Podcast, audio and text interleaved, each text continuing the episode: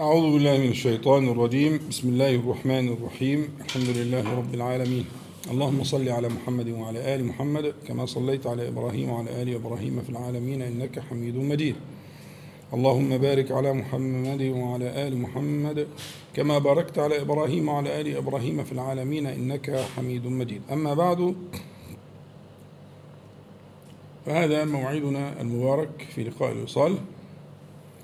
ونحن لا نزال آه، نسير فيه على ثلاثة محاور. المحور الأول آه، هو آه، فقه الإيواء إلى الفراش. والمحور الثاني مشاهد الدار الآخرة بدءا من مشاهد القيامة. والمحور الثالث هو من زاد المسير أبواب الفضائل. وبدأنا في الكلام عن فضائل القرآن الكريم عموما وفضائل سور المفصل خصوصا. نبدأ الليلة إن شاء الله تعالى بما ييسره الله سبحانه وتعالى من مشاهد القيامة. وذلك رجاء منا في الله تبارك وتعالى أن يبلغنا أن نكون من الذين وصفهم في أول كتابه سبحانه وتعالى بقوله وبالآخرة هم يوقنون. يوقنون يعني يؤمنون إيمانا جازما قاطعا كأنهم يرون القيامة عيانا وهذا هو اليقين. يقين هو صفاء النفس وسكونها فترفع معها الحجب فكأن المرء يرى مشاهد القيامة. ودي الحقيقة. وقلت لك إن مشاهد القيامة في القرآن الكريم وفي السنة بيانا لما في القرآن الكريم تشتمل على صور على صوت على حركة على ريح على غبار على اجتماع على عرق على على على. فالمؤمنون الناصحون لأنفسهم لا يمرون على تلك الآيات مرة الكرام كما يقولون ولكن يقفون مليا ليرسموا صورة الإيه؟ صورة المشهد بكل ما في المشهد من الدلالات آه، للألفاظ المذكورة في في الآية أو في الحديث المبين للآية. ذكرنا في المشاهد أول مشهد كان مشهد النجوى مشهد النجوى حينما يجعل الله عز وجل بعض عباده في كنفه ويناجيه ويقرره بذنبه إلى آخر الحديث وهو مشهد آه، يعني آه، أردت أن أقدمه لما فيه. وأرجع إلى هذا البيان ففيه ما فيه. المشهد الثاني آه الذي بيناه هو مشهد أهل الغدر.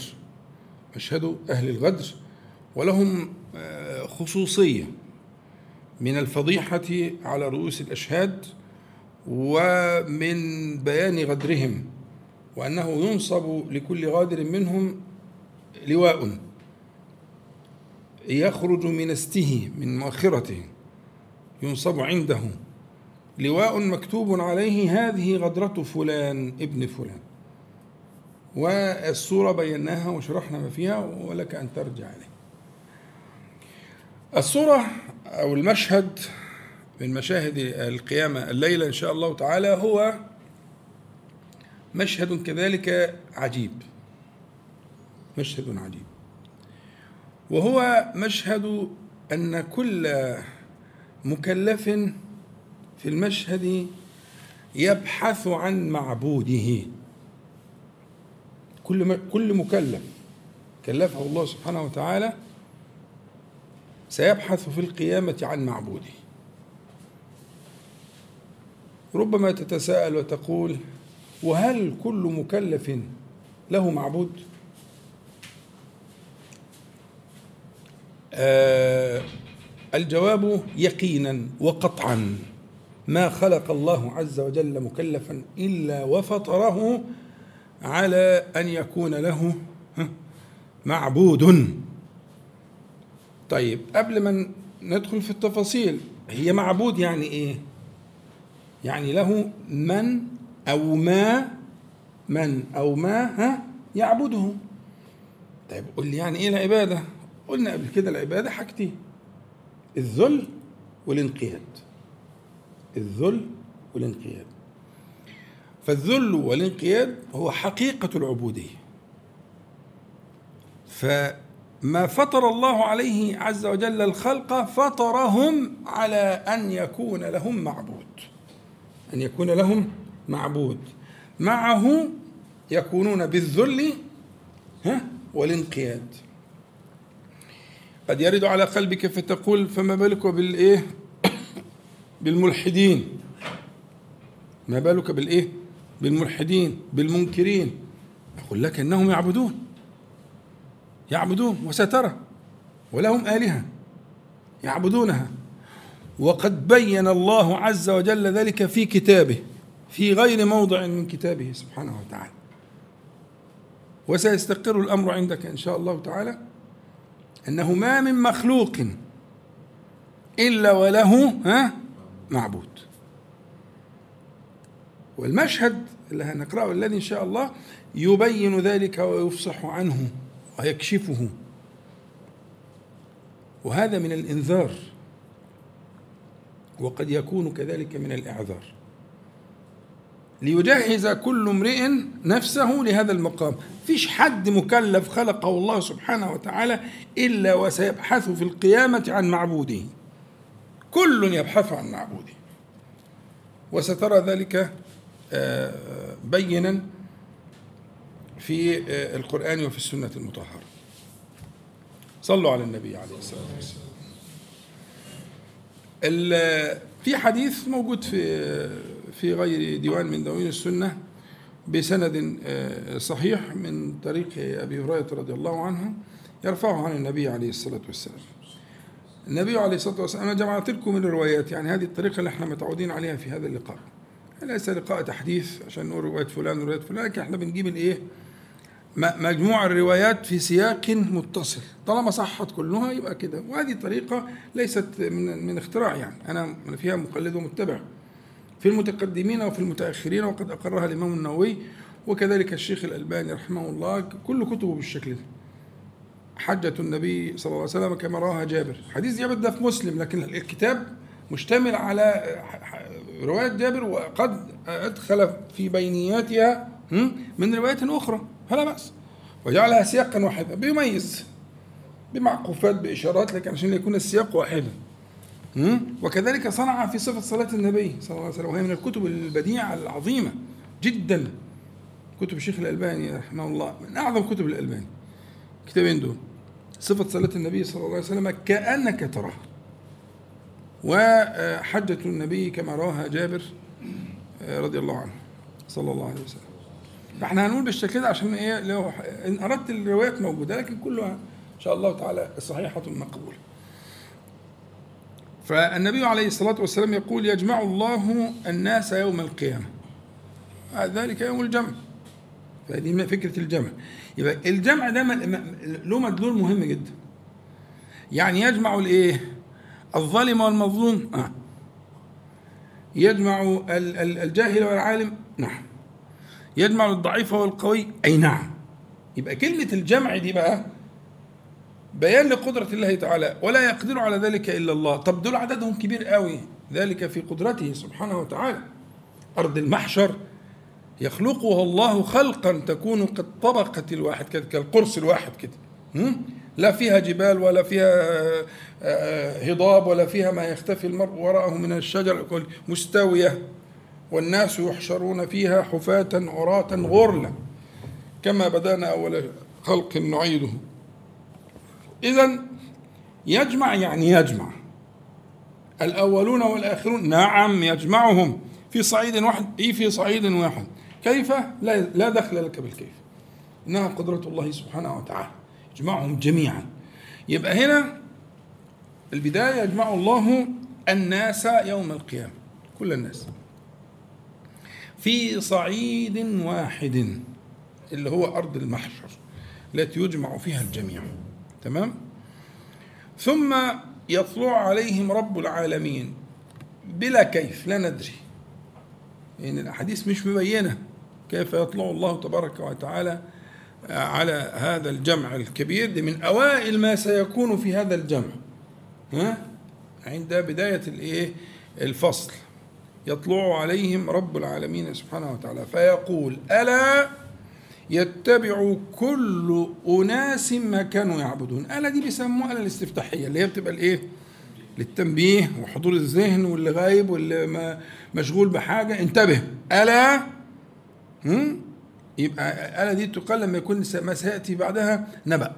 نبأ يعني خبر عالي عظيم من النبوة ها؟ حاجة ذات شأن. فإذا قلت ألا إن أولياء الله لا خوف عليهم ولا هم يحزنون. ألا دي جاية ليه؟ عشان إن أولياء الله لا خوف عليهم ولا نبأ عظيم. جليل. لسان العرب لما يقول ألا يبقى معناها اجمع قلبك وهمك وسمعك وبصرك على ما يلي. وأنت الآن مطالب بذلك. لأن النبي صلى الله عليه وسلم قال إيه؟ أنه يقال أو يقول الله عز وجل ألا يتبع كل أناس ما كانوا يعبدون؟ وفي رواية تتبع كل أمة ما تعبده أمة يعني جماعة. يعني اجتمعوا على على فهنا التقسيم بقى. مش هيكون تقسيم عرقي ولا جغرافي ولا ثقافي ولا اجتماعي ولا جنسي ذكر وأنثى لا. هيكون التقسيم على إيه؟ ها؟ على ما يعبدون. في الأولين والآخرين. خلاص؟ يبقى هنا التقسيم الأول الذي سيدعى إليه الناس بأمر الله تبارك وتعالى ألا يتبع كل أناس ما كانوا يعبدون أو ألا تتبع كل أمة ما تعبد. كل أمة من الأمم من من الجمع. كل مجموعة يعني. الأمة دي يعني كل كل أناس قد جمعهم الله تبارك وتعالى على شيء يعبدونه. ألا يتبع كل أناس ما كانوا يعبدون. فيتبع أصحاب الشياطين الشياطين وأصحاب الأصنام الأصنام ويمثل لصاحب الصليب صليبه ولصاحب التصوير تصويره ولصاحب النار ناره إلى آخر يعني هذا تمثيل. فيمثل لكل عابد معبوده. يمثل لكل عابد ها؟ معبود. الله تبارك وتعالى يمثل له معبوده فيذهب إليه. هذا الذي أنفق حياته يعبده. يعبده يعني إيه؟ يعني يذل له وينقاد له. هذا هو المعبود. فربما فهذا ضرب للمثل والروايات مختلفة ولذلك الباب واسع. يعني هذا ليس حصرا. لن يكون في في هذه المذكورات الخمس أو السبعه أو الثلاثه لا لا لا لا, لا. هذا تمثيل لأن المعبودات كثيرة جدا وبنص القرآن. ستجد القرآن ذكر الله سبحانه وتعالى ذكر في القرآن الكريم معبودات لم تذكر هنا. فهنا ده التمثيل. والنبي صلى الله عليه وسلم ذكر معبودات لم تذكر هنا. وسنأتي عليه إن شاء الله تعالى. لكن أنا عايزك تتصور إن هيحصل تقسيم لهذه المليارات في هذا الصعيد المليارات هتتقسم لإيه؟ ها؟ لمجموعات. كل مجموعة ملتفه حوالين إيه؟ معبود. متصور معايا الصورة؟ أمر الله عز وجل فانقسم الناس وتقسموا. ربما ينفصل الولد عن الوالد. أي نعم. والمرء عن زوجه. أي نعم. ينفصل. ينفصل. على أي شيء ينفصلان؟ على ما كانوا ها؟ يعبدون. يا إخوانا التقسيم هيكون على كده. مش بالشهادات ولا المجاميع ولا المستوى الاجتماعي ولا الرفاهية ولا أنت ساكن فين ولا عندك إيه ما فيش كلام من ده أصلا. كل ذلك ذهب ذهب ذهب. أول تقسيم للناس سيكون على ما كانوا يعبدون. على ما كانوا يعبدون؟ أي نعم على ما كانوا يعبدون. طيب.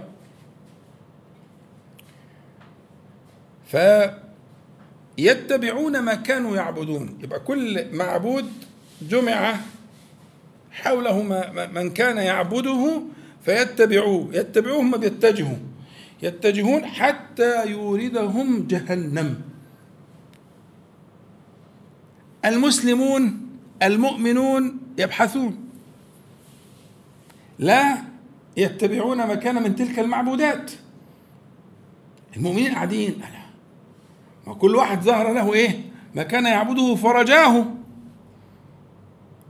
ظهر له ما كان يعبده فرجاه فاتبعه فقاده إلى مصيره المحتوم لكن أهل الإيمان واقفين. أين معبودنا؟ لأنهم لم يجدوا معبودهم. قدم قدمت تلك المعبودات المذكور منها الأمثلة دي. طيب هو في معبودات تانية؟ آه يا عم في معبودات تانية. طيب إيه رأيك في إن ربنا سبحانه وتعالى في القرآن مرة تانية يقول أرأيت وأفرأيت من اتخذ إلهه هواه؟ نص. إله يعني إيه؟ يعني مألوه. مألوه يعني إيه؟ يعني معبود. يعني ممكن واحد يعبد هواه بنص القرآن في سورة الجاثية وفي سورة فاطر في الفرقان؟ أي نعم الاثنين. مرتين في القرآن. يكرر عليك. مرة أرأيت مرة أفرأيت. وأشرح إن شاء الله الفرق بينهم. بس المهم الفكرة إن هو تعجيب. تعجيب من هذا الشأن. أن يجعل المرء هواه معبودا. يعني إيه معبودا بقى؟ اتفقنا قولوا بقى معايا. ها؟ يعني يذل وينقاد. دي العبودية. مش معناه إن هو قاعد يسجد له. نصب هواه صنما وسجد له. لا. هواه هواه صار إيه؟ معبودا يعني صار متبعا يذل له وينقاد يعني يورده هواه يورده موارد الذل. فلا يأبى. هواه ده معنى الآيتين. يورده موارد الذل فلا يأبى. ويورده موارد القهر و و و و و والضياع فلا يأبى ولا يمتنع. مظبوط؟ ده معناها الإيه؟ الذل والانقياد. طيب إيه رأيك إن النبي عليه الصلاة والسلام يقول في البخاري وغيره تعس عبد الدرهم تعس عبد الدينار تعس عبد الخميصة تعس عبد القطيفة. يبقى هنا أضاف العبودية للدرهم والدينار والخميصة دي أنواع من الثياب والملابس والحاجات زي كده. لا اللي هي اللي يعني الفخمة شوية الغالية شوية اللي الواحد يتمنى يلبسها وإلى آخره. وده عنوان. يعني ممكن يبقى تعس عبد السيارة تعس عبد الفيلا تعس عبد مش عارف ها؟ ما هي كله ركب سهلة. هو يضرب لك المثل. بس سماه إيه النبي عليه الصلاة والسلام؟ ها؟ سماه عبد. يبقى عبد الدرهم والدينار بيحط الدرهم والدينار كده يقول له الله أكبر؟ لا طبعا. لكن الدرهم والدينار ها أذله وقاده. عايزك تحفظ دي تنساهاش. عشان أنت أكيد هتلاقي لك نصيب من الكلام ده ولو كان قليلا. يعني تحقيق العبودية يأتي بمراعاة هذا المعنى. صحيح ممكن تبقى مسلم وعلى عيني وراسي بس عندك إيه؟ جانب فيه ضعف. جانب بتضعف فيه. بيحصل لك درجة من درجات الإيه؟ الذلة والانقياد. فما تقولش الكلام ده لغيرنا لا النبي صلى الله عليه وسلم بيقوله عشان إحنا الأول. ثم للكل. تعس. وتعس إما أن يكون دعاء ودعاءه مستجاب أو أن يكون خبرا. ها؟ ضاع ضاع. مين يا عم اللي ضاع؟ سيدك محمد صلى الله عليه وسلم لك اللي ضاع ده مين؟ عبد الدرهم عبد الدينار عبد الخميصة عبد القطيفة عبد المرسيدس عبد الفيلا عبد المش عارف إيه. سم كمل بقى أنت. كمل. وهذا هو أنا وأنت. خلاص؟ ثم يقول عليه الصلاة والسلام تعس تعس وانتكس. تعس تعس وانتكس. وإذا شيك فلن تقش تعس ها؟ وانتكس يعني ارتد.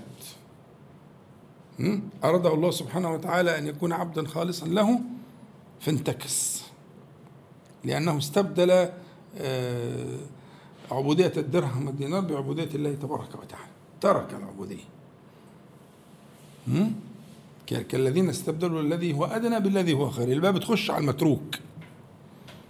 الباب تخش على المتروك. فيقوم ترك الايه؟ ترك عبودية الله تبارك وتعالى وصار في ذل وانقياد عشان ما تقوليش بقى ركوع وسجود خلي بالك ها؟ صار في ذل وانقياد للدرهم وللدينار وما في معنى. ما هو الدرهم بيجيب حاجة عشان الحاجة اللي بيجيبها الدرهم نفس الفكرة هي نفس القضية فيقول وانتكس عارفين الانتكاس؟ الشيء المنكس هو الإيه؟ اللي هو أعلاه أدناه وأدناه أعلاه مظبوط؟ هيبقى كده حاله كده حاله منتكس لا تقوم له قائمة فإما أن يكون برضه خبر أو يكون إيه؟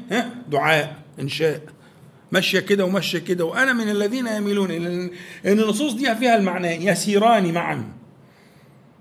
فإنه خبر واستجيب. حاله كده وإذا ما انتبهش هيصير لكده بدعوة النبي عليه الصلاة والسلام. وإذا شيك فلن تقش شيك يعني دخلته شوكة. دخلت رجله فلن تقش فلا النقش اللي هو نزع. فلا تنزع منه. يعني إيه؟ يعني ان أن ما يصيبه لا يخرج منه. لأنه إيه؟ تمكن منه تمكن من قلبه. قيده ربطه ربطه وقيده. ها؟ فبرضه يا إما خبر يا إما دعاء. اللي هو مين؟ عبد الدرهم وعبد الدينار وعبد الخميصه وعبد القطيفة وعبد زي ما قول زي ما أنت عايز بقى.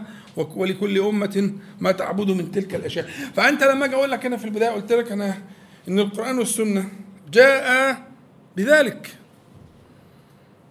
فعشان أنت تفهم إن المسألة أخطر من إن هي يكون عبد بمعنى إن هو حاطط صنم كده ويسجد له ويطوف حوله لا. ده ممكن يطوف قلبه حول الدرهم والدينار. طواف وأشواط. أي والله أقسم بالله يطوف طوافا حول معبوده ولو كان دينارا أو درهما. ويرجو خيره ويخاف من ضياعه ويركع ويسجد ويعبد للدرهم والدينار. هذا الكلام ليس بعيد. البني آدم كده الإنسان فطر على كده أن يكون له ما يقدسه وما يعظمه. واللي أدهى من كده بقى وصف القرآن الكريم. أن يكون هذا المعبود الذي يذل وينقاد له هو إيه؟ ها؟ هواه قران هواه. فيطوف حول هواه. ويركع لهواه ويسجد لهواه ويعظم هواه ويقدس هواه. كل ده أي نعم هي دي العبودية يا ابني. والله هي دي العبودية. بالقرآن والسنة هي دي العبودية. فلما أجي أقول لك بقى إنه في يوم القيامة يقول الله عز وجل ألا يتبع كل أناس ما كانوا يعبدون؟ أو كل أمة ما تعبد؟ ها؟ ده هيكون موجود. فمن عبد الدرهم والدينار ومن عبد الخميصة والقطيفة والبتاع والها ومتاع الدنيا الفاني عظمه. وجعل قلبه يطوف حوله. هو في الحقيقة الطواف طواف القلب. حتى في الحج والعمرة. الحقيقة في الحقيقة طواف القلب. فلو غاب القلب وطاف البدن لا معنى أسقط الفريضة وخلصت. لكن ما شهد وما رأى. حتى أنا دايما بقول لكم إن الطواف على الجهة اليسرى إن غالبا القلب في الجهة اليسرى يعني. يعني ده من من اللطائف يعني. ليس من الأحكام. لكنه في, في المعنى ده إنك تقرب قلبك. مما تطوف حوله.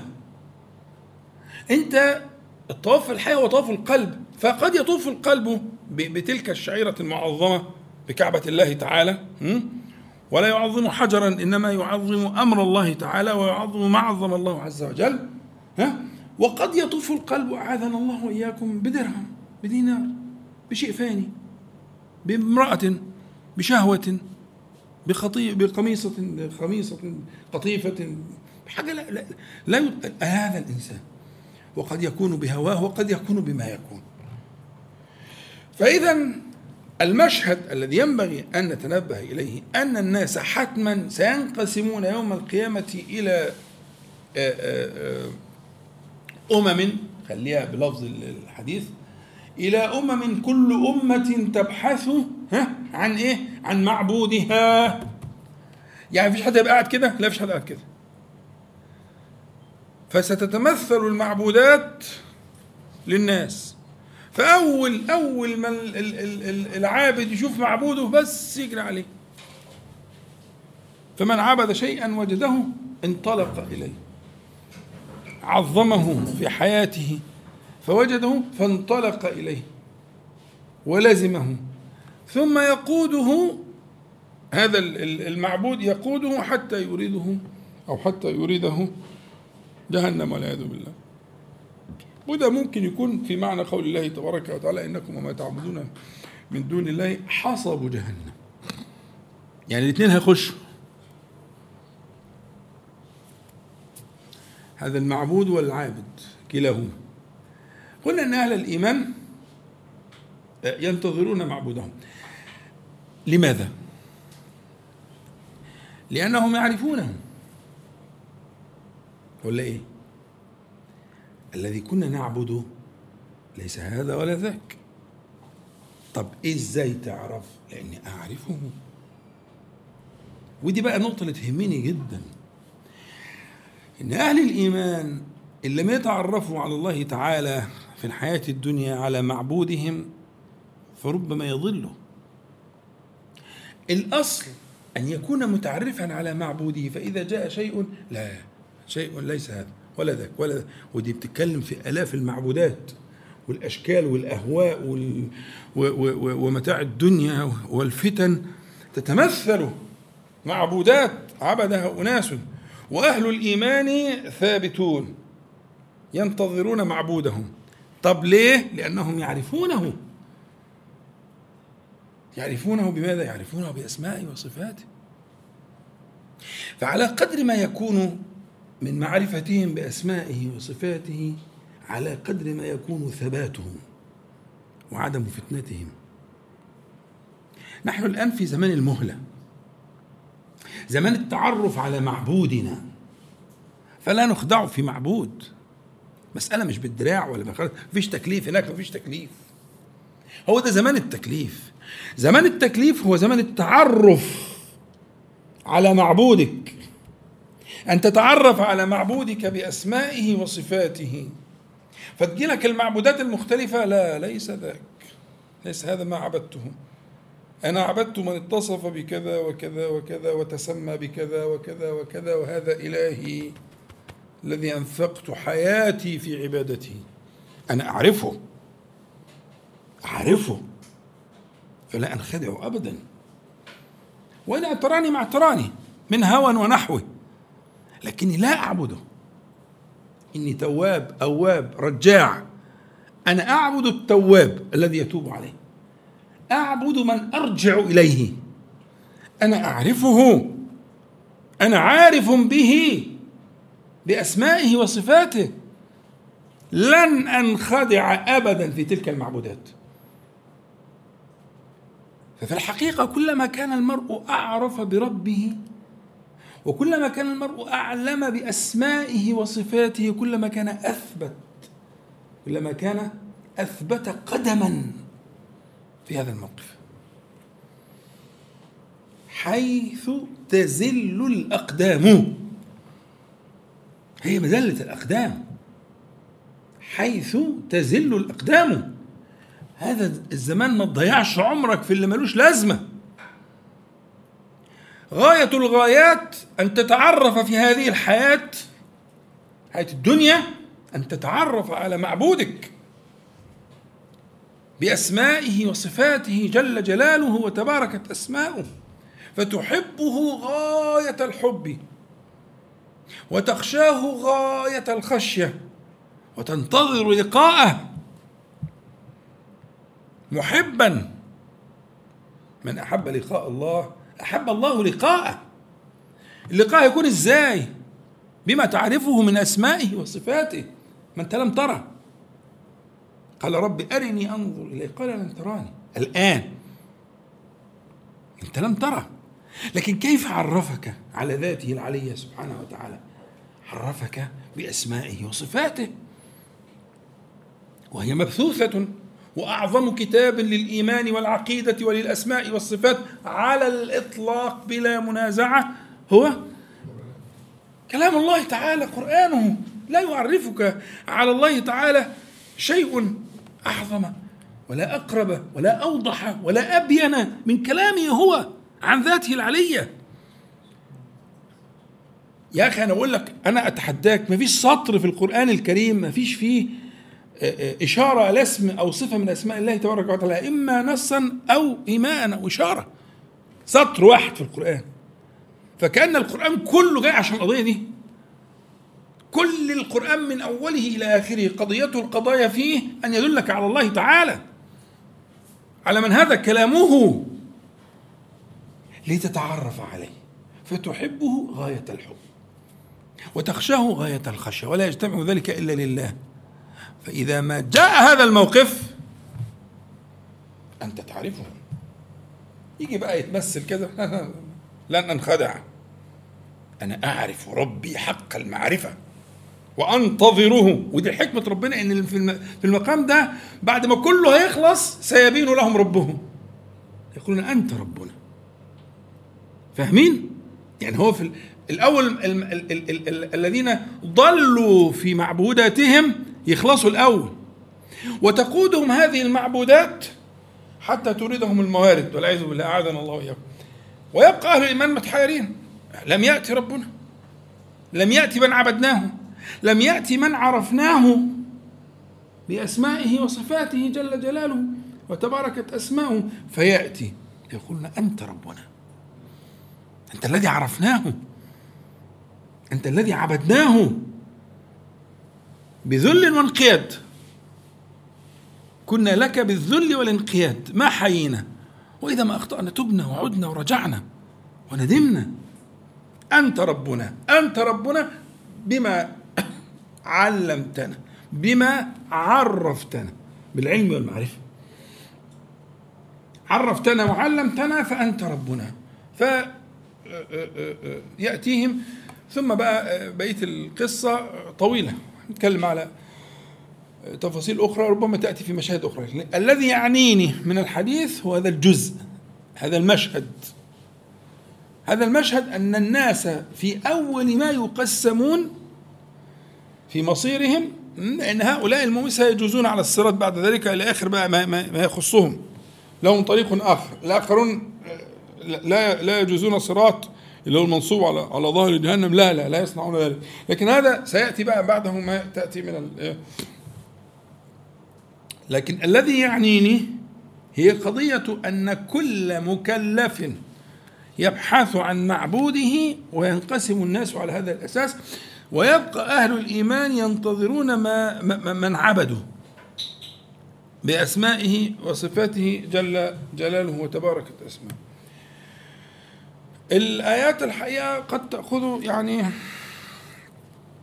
وقتا اللي هم آية الفرقان وآية يعني يستحقوا يعني إن هم إيه لأن فيهم لأن في الحقيقة لهم لهم مردود في حياتنا في واقعنا. فالآية الفرقان اللي هي في ترتيب المصحف الأولى آه، أرأيت من اتخذ إله هواه؟ أفأنت تكون عليه وكيلا؟ حتة كده صغيرة ما, ما, ما تروحش مني بعيد. الفرق بين أرأيت وأفرأيت. خدت بالك؟ لأن هنا الآية آه، آه، بدأت أرأيت وفيها أفأنت تكون عليه وكيلا. والثانية أفرأيت من اتخذ إلهه ماشي؟ إحنا قلنا قبل كده لو تذكرون ولا بد لا بأس بالإعادة إن شاء الله إنه الهمزة همزة الاستفهام اللي بتخش على المستفهم عنه دي لها خصوصية. هي رأس في هذا الباب رأس في باب الاستفهام الهمزة دي. فقد تأتي مباشرة بالإيه؟ بالمستفهم عنه. زي الايه الآية بتاعت أرأيت. مظبوط؟ دي داخلة التصقت به ولم يفصل بينهما إيه؟ فاصل. خلاص؟ وقد يفصل بينهما فاصل. الفصل ده حاجة من اتنين. يا إما يكون أداة من أدوات النفي يا إما يكون أداة من أدوات العطف. زي الفاء أو الواو. حد تاه؟ مركزين؟ سهل. إن شاء الله. يعني يا إما تكون أرأيت أو تكون أفرأيت. تكون آآ آآ ألم نشرح لك صدرك؟ معناها إيه؟ أشرحنا لك صدرك. لكن هنا فصل بين الهمزة وبين المستفهم عنه الإيه؟ أداة من أدوات النفي أليس الله بكاف عبده؟ هي أصلها آه الله كاف عبده ودخلت ليس. يبقى قلنا يا إما مباشرة يا إما يفصل بينهما فاصل. والفاصل ده حاجة من اتنين. يا إما يكون أداة من أدوات العطف أو كذا افكذا ها؟ أو يكون أداة من أدوات النفي زي أليس. أظن الدنيا كده إيه؟ تمام. مظبوط؟ من غير ما نخش في تفاصيل لو عايز تفاصيل يرجع للصفة المحلاه أنا شارحين الكلام ده بالتفصيل. بيبقى الغرض إذا كان في عطف أداة عطف يبقى في معطوف. ما فيش عطف من غير معطوف.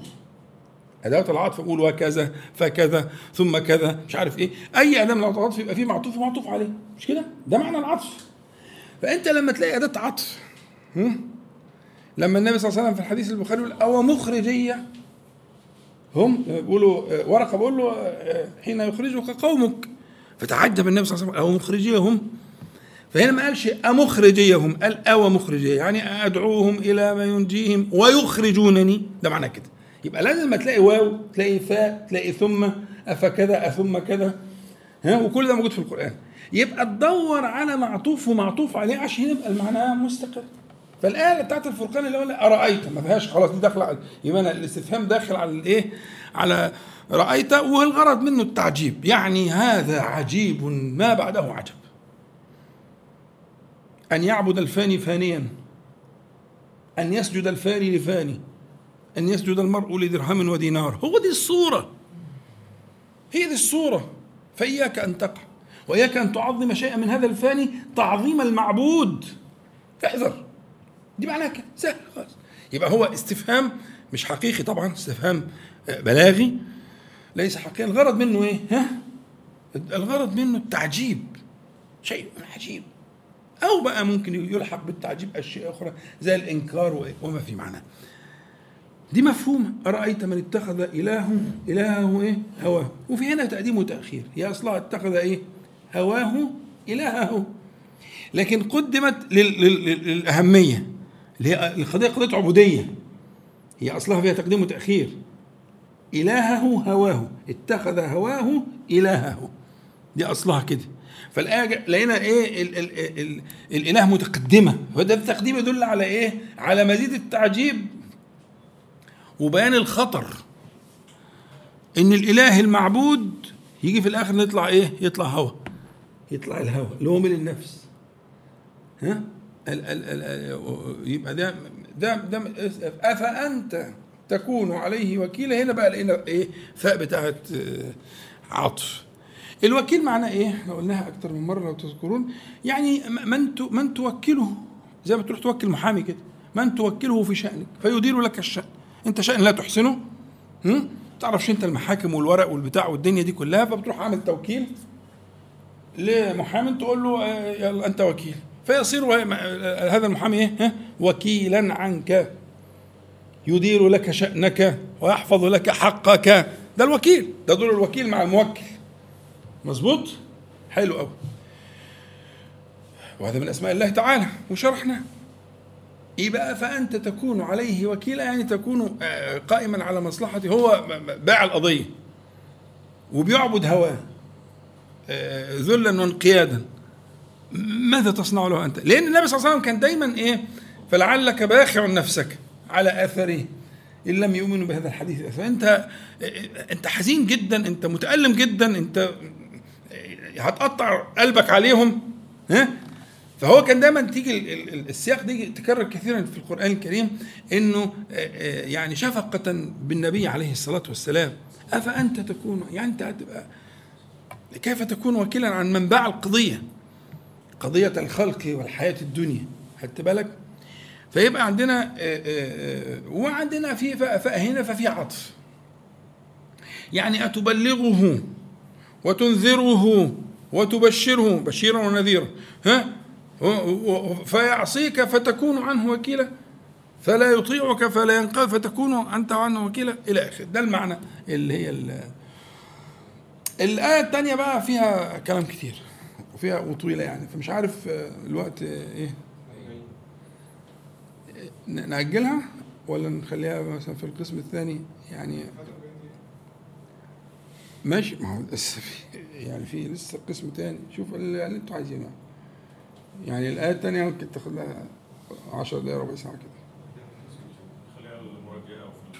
طيب خلاص طيب يبقى وقفنا عند الآية الأخرى آية الجاثية لأن فيها تفصيل بقى يعني هي هي نفس معنى آية ال- الفرقان بس فيها تفصيل فيها بيان فيها تعديل للمواقف والمشاهد وتهمني ليه؟ علشان مشكلة آلهة الهوى في نظري هي أخطر المشاكل يعني اللي بيعبدوا الصراصير واللي بيعبدوا ال- الضفادع واللي بيعبدوا البقر يعني دول همهم. أنا في نظري قريب. قريب. ان طبعا اوعوا تفتكروا بيعبدوا البقر بالبقر هم يرون روح الإله قد حلت في هذه الكائنات. إن الفكرة مبنية على فكرة الحلول والاتحاد. إن روح ال- الإله تحل في من ترضاه وتستطيبه ممن خلقت. هم مش للدرجات يعني. مش بيعبد البقره للبقرة. لا. هو إنما يعبدها لأنه يرى فيها روح الإله. مفهوم الكلام؟ فدول خطرهم ليس كبيرا. وهدايتهم في رأيي قريبة. الأمر قريب. اللي هدايته في منتهى الصعوبة ها؟ من يعبد هواه دي البلوى الكبيرة بقى. اللي هم قال عليهم ربنا سبحانه وتعالى في غير موضع. عمن كانوا مع النبي صلى الله عليه وسلم وعمن كانوا قبله. فإنهم لا يكذبونك. ولكن الظالمين بآيات الله يجحدون. عارفين انت صادق وما تنطق عن الهوى. يبقى إيه بقى؟ ده جحود. لأن أطعموا فأطعمنا سقوا فسقينا مش عارف إيه إيه ظهر منهم نبي هنجيب نبي إزاي؟ كده وش؟ ده كلام أبي جهل. يعني ما لم يداري ولم يماري. دي الحقيقة. هذا سجد. لا للأصنام ما كانش الأصنام عنده ما هو فهمها أصلا. هو كان يسجد لهواه لشهوة نفسه لعلوه في الأرض لذكره بين الناس. بنص كلامه مش كلامي أنا. ده ممكن يكون درجة تصديقهم درجة تصديقهم للنبي عليه الصلاة والسلام أو لأنبياء الله تعالى تصل إلى مرحلة اليقين. ويحجزهم عن الانقياد هوى النفس. ربنا تعالى يقول وجحدوا بها ها واستيقنتها أنفسهم. إيه السبب؟ ظلما وعلو عشان المراكب. والبتاع والرياسات والزعامات والأموال والسطو على خلق الله والجبروت والظلم. ها؟ ها؟ عارف؟ مصدق عارف. وفي جنة عارف في جنة وفي نار عارف في نار وفي حق وفي عدل وعارف كل الكلام ده. ده الله تعالى يقول. واستيقنتها إحنا لسه بنتكلم على اليقين. لكن إيه اللي حجزه عما يراه. ها؟ إيه اللي حجزه هو نفس هو النفس هو النفس. فأنا رأيي في تقديري إن الآيات دي لازم تخت... يعني آه، تحظى بما تستحقه على قدر طاقتنا طبعا. من البيان اللي هي الآيات اللي بتبين عبودية الهوى. آيات أو حديث زي الحديث البخاري اللي قلناه آيات الأحاديث المتعلقة بعبودية الهوى تستحق الوقوف مليا لأن الهوى سيمثل لهم إلها يوم القيامة. وسيتبعونه وسيوردهم المهالك كما قال عليه الصلاة والسلام. يبقى إحنا يعني أنا بس ببين إن إحنا محتاجين إيه ناخده آه، آه، يعني بقسط من البيان والعلم والشرح للتفصيل والألفاظ والكلمات. أنا حاولت اختصار آية الفرقان على ما أقدر لكن هي الحقيقة آه، آه، آه، آه، المشهد ده اللي هو مشهد اتباع آه، آه، آه، عباد الهوى لأهوائهم في في في مشهد القيامة يحتاج إلى آه، مزيد البيان. فنسأل الله تعالى أن ينفعنا جميعا. بما قلنا وما سمعنا وأن يجعله حجة لنا. لا علينا رب العالمين. وأن يعيذنا وإياكم وسائر إخواننا من المسلمين والمسلمات من شرور أنفسنا ومن سيئات أعمالنا ومن فتنة القول والعمل. اللهم صل على محمد وانزل المقعد المقرب منك يوم القيامة. إن شاء الله استراحة ونعود إن شاء الله. أعوذ بالله من الشيطان الرجيم. بسم الله الرحمن الرحيم. الحمد لله رب العالمين. اللهم صل على محمد وأنزل المقعد المقرب منك يوم القيامة. أما بعد ف لا بأس بأن ننظر في آه،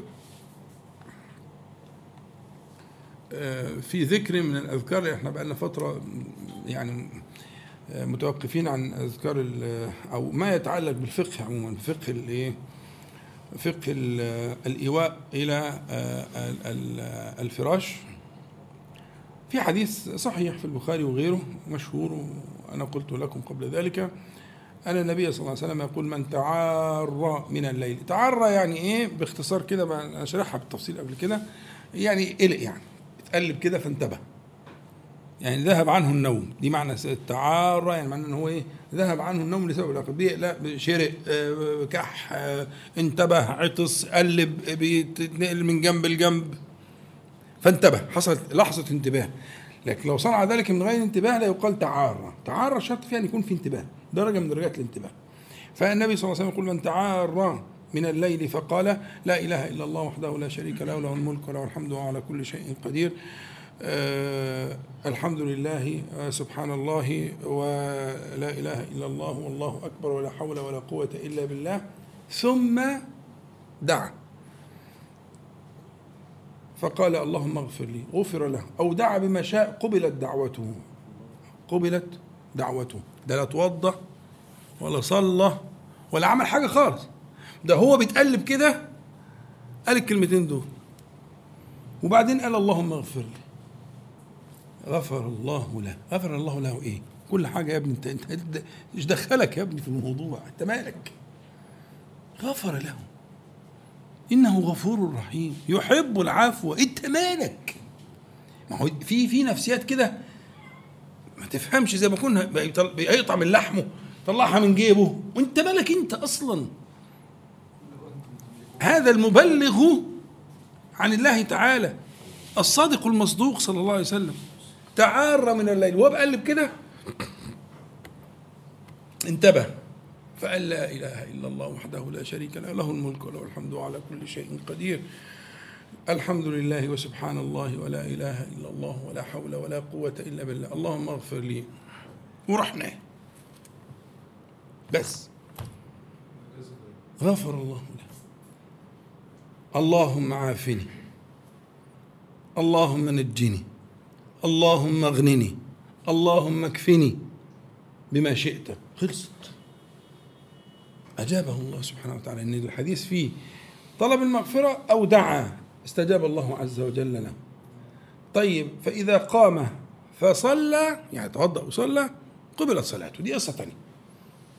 لكن أنا عايز أقف على مسألة مرحلة الإيه؟ ده من فقه الإيواء للفراش. إن واحد قلبه متعلق بربنا سبحانه وتعالى ونام على الذكر فلما تقلب وانتبه ذكر الله تعالى. لا يكافئ. ومكافأة لا تدانيها مكافأة. غفر الله إيه؟ له. ده الذكر اللي معانا. تمام؟ طيب. أنا بقى هخرج من الذكر ده لمسألة إحنا أنت لما جيت تنام قبل ما تتقلب بقى بالليل وت... وتتعار من نومك؟ أنت وأنت بتنام بتقول إيه؟ باسمك اللهم أموت؟ وأحيا. ولما بتصحى بتقول الحمد لله الذي أحيانا بعد ما ما بتقولش هنا. ده أنت بتتقلب بس لما تيجي تصحى بقى تستيقظ الحمد لله الذي أحيانا بعد ما أمتنا. حلو قوي يعني أنت في الأول وفي الآخر بتقول كلمة إن ربنا هو الذي يميتك الآن ويحييك إذا أراد. صح؟ دي عقيدة. إحنا معتقدين كده. مش مش مش مسألة بقى آه، الرزم بتاع النوم ولا المنبه ولا اللي من صحاك وكل الكلام ده كلام فاضي. ممكن ده كله يحصل وما تقومش. وممكن من غير ده كله وتقوم صح؟ دي كلها أسباب وسائل قد تأتي وقد لا تأتي. ال- النار محرقة صح؟ لكن قد لا تكون محرقة. لأنها ليست محرقة بذاتها. ليست محرقة بذاتها إنما هي محرقة بالله. قلنا يا نار كوني بردا وسلاما على إبراهيم. والماء مغرق وليس بذاته. بالله هو مغرق. اللي هي نظرية الأواني المستطرقة. ولكنه فانفلق فكان كل فرق كالطود الجبل العظيم. المية وقفت. فين الاستطراق بتاع المية دي خاصية صح؟ بس الخاصية دي إلهية. ده الفرق بيننا وبينهم. دي خاصية إلهية بقوة الله تعالى أودعها في الماء. فالماء لا يكون مستطرقا إلا بأمر الله تعالى.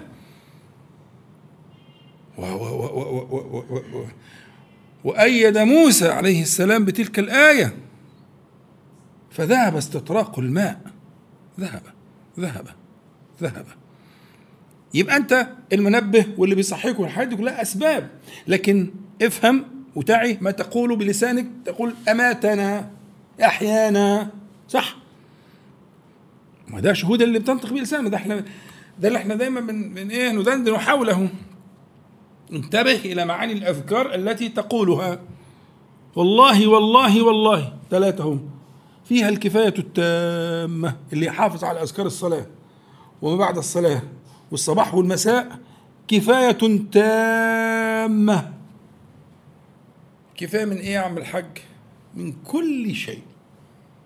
طب قسم لي كل شيء اقسمهم لك لحاجتين لرغبة ورهبة. كفاية في الرغبة وكفاية في الرهبة. لا انت محتاج حاجة في الرغبة ولا انت محتاج حاجة في الرهبة. بإيه يابا؟ بده بس. فقط لا غير. بالصلاة وبعد الصلاة وطرفي النهار. بس قولهم بما يرضي الله. زي ما اتعلمتهم كاملين. صبر نفسك. واقعد وقولهم وسيكفيك. الله عز وجل كل ما أهمك. واللي أهمني ده حاجتين. رغبة ورهبة. في الرغبة يكفيك. وفي الرهبة ها؟ يكفيك. أظن إحنا كده معتقدين كده ولا في حد عنده تردد؟ دي بنينا بنينا هذا المجلس المبارك على ذلك. هذا المجلس ها؟ المبارك مبني على ذلك. دي قضيتنا هنا في المجلس ده. فأنت معتقد إنه دي أسباب.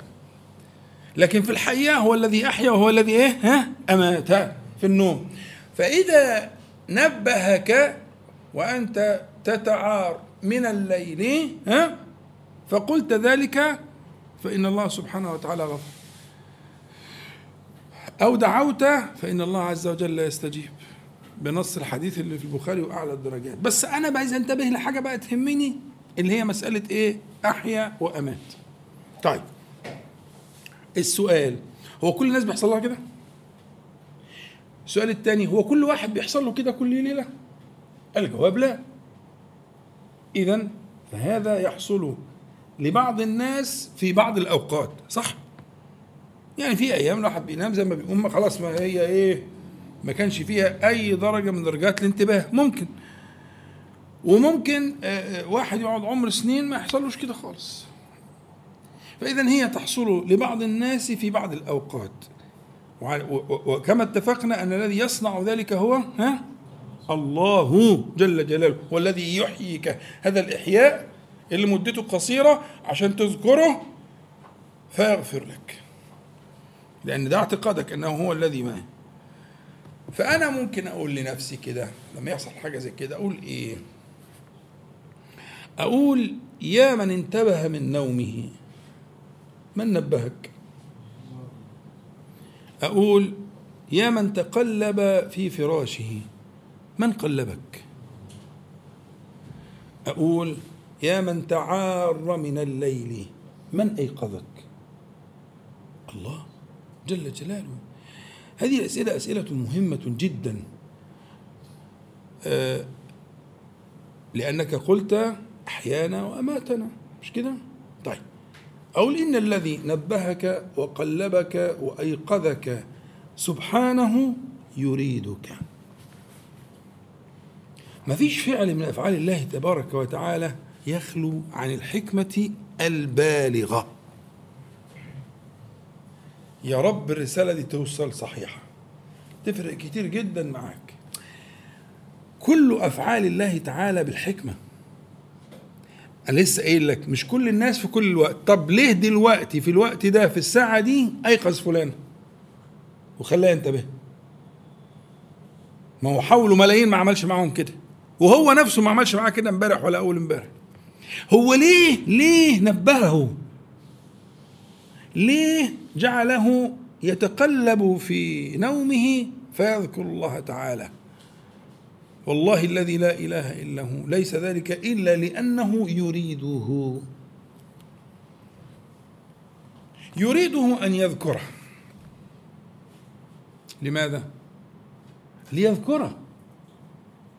فاذكروني أذكركم. يريد أن يذكره العبد ليذكره الرب سبحانه وتعالى في الملأ الأعلى. يريد أن يذكره ليذكره. يريد أن يدعوه. ليجيبه. الله تعالى يحب ذلك. ادعوني فإني قريب. يريد أن يذكره العبد ليذكره الرب. يريد أن يدعوه ليستجيب له. يريد أن يسأله ليعطيه. سبحانه وتعالى. ده مبني على إيه؟ على أن أفعال الله تبارك وتعالى لا تخلو عن الحكمة البالغة. لابد يكون في في حكمة من وراء هذا الفعل. فلماذا فعل؟ لماذا أيقظ؟ فيا أيها النائم بالأسحار ما لك؟ أليس لك عند الله حاجات وحاجات؟ هو يدعوك. اللي يحصل معك كده يا شباب يعني يعني يبقى يبقى في غفلة وربما يكون ظالما لنفسه إن لم يعي هذه الرسالة هذه رسالة من الله تعالى. إن لم يعي هذه الرسالة من الله تعالى يكون في غفلة بالغة. فيسأل نفسه من الذي نبهك؟ من الذي قلبك؟ من الذي أيقظك؟ هو الله سبحانه وتعالى. لماذا؟ لماذا نبهك وقلبك وأيقظك؟ لماذا؟ لأنه يريدك. لأنه يحب سبحانه وتعالى أن يسمع ذكره منك. يا اخوانا ربنا بيحبنا. ربنا سبحانه وتعالى يريد بنا الخير. ربنا تعالى يقول ما يفعل الله بعذابكم. إن شكرتم وآمنتم. فلسفة إن الإنسان رايح للنار إلا إذا خطأ. الأصل فيما أراد الله تعالى منا أن يكافئنا وأن ينعم علينا وأن يهدينا وأن يأخذ بأيدينا إليه سبحانه وتعالى. ده الأصل. فلا يغيب الأصل عنك. فمن من من أعظم وأجل الآداب المتعلقة بالإيواء إلى الفراش أنك إذا انتبهت. ف تضيء في قلبك هذه الأفكار الإضاءة التامة توقظك تحييك. فاذكر الله عز وجل ها بهذه الاذكار حافظها مش هي أصلها سهلة. تقول لا إله إلا الله وحده لا شريك له له الملك وله الحمد وهو على كل شيء قدير. الحمد لله سبحان الله ولا إله إلا الله ولا حول ولا قوة إلا بالله. خلصت إحنا ما نتكلمش في حاجة. أو قريبا من ذلك أو نحو من ذلك ممكن تلاقي في الروايات برضه في خلاف يسير. الأمر قريب. ثم يدعو اللهم اغفر لي. اللهم نجني. يا رب فرج كرب فرج كرب فلان مثلا ها؟ وهو وعد بالإجابة أهو. طب لماذا نبهك؟ لماذا أيقظك؟ افهم. إن ذلك قد اشتمل على الحكمة البالغة. إنما بحكمته سبحانه وتعالى أيقظك ونبهك وقلبك في فرشتك لتنتبه لتسأله ليعطيك لتدعوه ليجيبك لتستغفره ليغفر لك ليقربك منه سبحانه وتعالى لأنه يحب ذلك. وعلى هذا بهذا المفهوم سيتحول هذا الذكر إلى آه، زي ما تقول إيه رجاء أو أمنية أو يتعلق قلبك به أو ربما تسأله وأنت جاي تنام أن يرزقك هذا الرزق. بقت بقت مسألة بقت قضية عندك قضية تستحق أن تكون شاغلة وتأخذ حيزا حيزا في قلبك لأنها فعلا عطاء مذهل. عمل في منتهى اليسر بس يدل على يقظة القلب وتعلقه بسيده ومولاه سبحانه وتعالى وقربه منه تبارك وتعالى. يبقى ساعتها هتقرب الفكرة يبقى الإنسان هيقول يختم زي ما قلنا بالأذكار إحنا خدنا أذكار كتير حوالي 14 ذكر. آه تقريبا كده. ومن ضمنها آخر ما ذكرنا آه، آه، دعاء السيدة عائشة إنها كانت تسأل الله تبارك وتعالى رؤيا صالحة. خلاص؟ فأنت سألت الله سبحانه وتعالى الرؤيا الصالحة. طب ما تسأله كمان آه، أن يوقظك وأن ينبهك لتذكره. بس وتنام تاني. ما نتكلمش في صلاة ولا حاجة نتكلم في ذكر. تقول حينما تتقلب تشرق تعطش تعطس أي حاجة أي أي, أي بأي طريق ربنا يوصلك لحال الانتباه. ماشي. بس يعني أنا خبرتي مع حضراتكم إن آه، يعني آه، الأدوات دي بت آه، ما بت يعني نقفله. ما يجراش حاجة.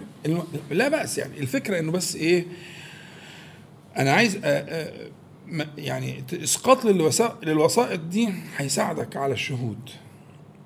عشان لما أقول لك من الذي نبهك ما تقوليش المنبه. من الذي أيقظك ما تقوليش الآلة. من الذي قلبك في نومك؟ ما تقوليش مش عارف الفرشه أصلها مش عارف إيه ولا المولى إيه ولا البتاع إيه. ما دي ما دي اللي أنا قدمته لك في الكلام كويس إن محمد قال الكلام ده. إنه فكرة ال ال أن أن تكون الأسباب حاجزا بينك وبين المسبب. ده خطير جدا. يعني هو هو انقلها يعني فكاهة لكن دي حقيقة فعلا. يعني هو المصيبة أن أن تصير هذه الأسباب حواجز. بينك وبين الحقيقة. هتبلغها إمتى الحقيقة؟ لما كل حاجة بتمشي بكذا وبكذا وبكذا. طب ما هو كذا ده مخلوق. ولا إيه؟ أنا أريد أن أنفذ أن أنفذ من خلال تلك الوسائط من تلك الحواجز إلى الحقيقة. إن الحقيقة أنه هو الذي أحياني هو الذي قلبني. لماذا؟ لأنه يريدني. يريدك وأنت مين؟ أنت ده أنت مؤمن أنت موحد. دي حاجة غالية جدا دي حاجة نفيسة جدا. إيش أكون أنا؟ أنت تكون ذاكر الله سبحانه وتعالى. أنت تكون من يباهي الله عز وجل بك ملائكته. للدرجة دي؟ أي والله للدرجة دي. وأكثر من الدرجة دي. أنت عزيز على الله سبحانه وتعالى. بس إمتى بذكره بإيمانك بقربك من الله تعالى. فتح الباب الأمل. في الوصول إلى الله تعالى مهم جدا يا شباب صدقوني. سيما في الأوقات اللي زي اللي إحنا عايشينها دي. المسألة قريبة جدا. أقرب ما تكون أنت إلى الله تعالى. مسألة سهلة خالص. أنا ما قلتلكش أنت ما قمتش اغتسلت ولا قمت صليت مثلا بالبقر آل عمران طبعا عملت كده حاجة كويسة. أنت ما عملتش حاجة من دي أصلا. ده أنت لسه زي ما أنت بعبلك واتقلبت بس فذكرته سبحانه وتعالى بكلمات يسيرة جدا فدعوته فأجابك. يا أخوانا فكروا. النبي عليه الصلاة والسلام ما ينطق عن الهوى. الحديث في البخاري. الحديث في البخاري. ما ينطق عن الهوى. الله. بيقول الكلام ده عشاني وعشانك. عشان المكسحين اللي زينا والعجائز ها وأصحاب العاهات اللي زينا. هو قال الكلام ده. ليأخذ بأيديهم ويقربهم. إلى الله تبارك وتعالى. فالمسألة تستحق. ألا ترى إلا الله. شفت وجودك مهم إزاي؟ فعلا. ألا ترى إلا الله. لا تأخذ أسباب ولا نايم بدري ولا منبه ولا كل الكلام ده كلها أسباب قد تؤتي وقد لا تؤتي ولا قيمة لها إن لم يبارك فيها ربك سبحانه وتعالى. الحقيقة وأن الله سبحانه وتعالى خلقكم وما تعملون كما قال إبراهيم عليه السلام. خلقكم وخلق أعمالكم وأفعالكم كل ذلك بقدرته وبعلمه سبحانه وتعالى وبحكمته وبرحمته وبلطفه الخفي. ما تنسوش الخمسة دول أنا دايما اكرر يحلوا لك إشكالات الدنيا كلها. أقسم بالله تكفي كل الناس هذه الخمسة. أن تستحضرها في شأنك كله. وأن ترى أسماء الله تبارك وتعالى وصفاته على النحو الذي ذكرت لك. هيجي الحديث اللي قلناه في الايه في النص الأولاني. أتعرف ربك؟ ها أعرفه. أعرفه. حق المعرفة. عمري كله أعرفه. أعرفه بأسمائه أعرفه بلطفه الخفي. أعرفه بحكمته البالغة. أعرفه برحمته الواسعة. أعرفه بعلمه المحيط. أعرفه. لن يخدعني شيء من هذه المعبودات. والله ابدا ما تخدعني. لماذا لا تخدعك؟ عشت عمري كله أعرفه وأتعرف عليه. أعرفه كأني أراه. يعني ربنا رقاك حتى بلغت الإحسان. أعلى رتب الإحسان. أن تعبد الله كأنك تراه. أيوه أنا لم اره ولكني كأني أراه. أراه في أفعاله في أسمائه وصفاته. أراه. وأنا أنتظره وأتحرق شوكا. لحتى هم في الحديث في رواية الحديث اللي قلناه سألوا النبي صلى الله عليه وسلم. قالوا أنا أراه؟ فقال لهم الجزء اللي هو الحديث إيه؟ البدر في أتضامون في رؤيته؟ قالوا لا فألم ترونه كما ترون البدر. لا يحجبه عنك لا غيم ولا شيء ابدا. وستعرفونه كما تعرفونه. طب أنا ما شفتوش لا أنت عارفه. عارفه كويس. بعلمك بأسمائه وصفاته ومناجاتك له سبحانه وتعالى. فكأنك تراه. فخليك في الخمس أسماء دول بهذه المعاني. شوف هيودوك فين؟ يودوك في الحضرة العليه تذكر هناك. أنت أنت تذكر هناك في الملأ الأعلى. ذكرته في ملأ خير من يعني بيذكر في الواحد بيذكر إيه بيذكر في ملأ؟ زي ما إحنا قاعدين فيه كده. بنذكر سامعين بعض. ها؟ وممكن يذكر خاليا. مش كده؟ من ذكره في نفسي من ذكر من ذكرني في نفسه ذكرته في نفسي. ومن ذكرني في ملأ ها؟ ذكرته في ملأ خير منه فتذكر انت آه فلان الفلاني. الكحيان ده آه الكحيان ده التعبان ده أيوه التعبان ده. المسكين ده آه المسكين ده. هو ده كله ذنوب ده هو بتاع الذنوب ده هو ده بتاع الذنوب هو ده آه. هو صاحب الذنوب ده. بس تاب. استغفر. ذكر. يذكروا في الملأ الأعلى أفماء ده في مين؟ في الملائكة وفي جبريل وفي السادة وفي وفي الذاكرين وفي الراكعين وفي الساجدين. ويذكر فيهم. يعني إيه يذكر؟ يعني يعلى ذكره. زي كده الاعلان ال- الأوائل الفائزين إعلان الفائزين هو بالظبط كده يذكر في هذا الملأ. يعني الذكر الحسن. يعني يعلى ذكره. آه. فإحنا عايزين بس نهتم شوية بالذات في الفترة دي بتكرار المعاني دي. كرروها على عقولكم وقلوبكم وعلى أنفسكم وعلى أهليكم. تكرار المعاني يفتح الباب. سيما في الأيام اللي يكون فيها يعني شدة زي الأيام دي كده. إحنا نحتاج إلى فتح هذا الباب مع الله سبحانه وتعالى فتح الأمل والمواظبة على تلك الأعمال. وهذا الذكر الحقيقة في من أجمل ما يكون وأبدع وأقرب ما يكون أن يوصلك إلى المراد أن تسأل نفسك من نبهك من قلبك من أيقظك؟ الله سبحانه وتعالى.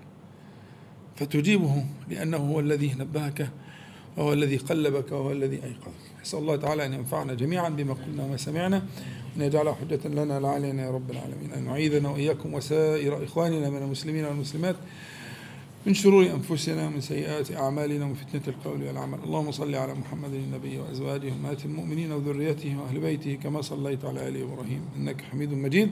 الحمد لله رب العالمين. نقول جميعا سبحانك اللهم ربنا وبحمدك. أشهد أن لا إله إلا أنت أستغفرك وأتوب إليك السلام عليكم ورحمة الله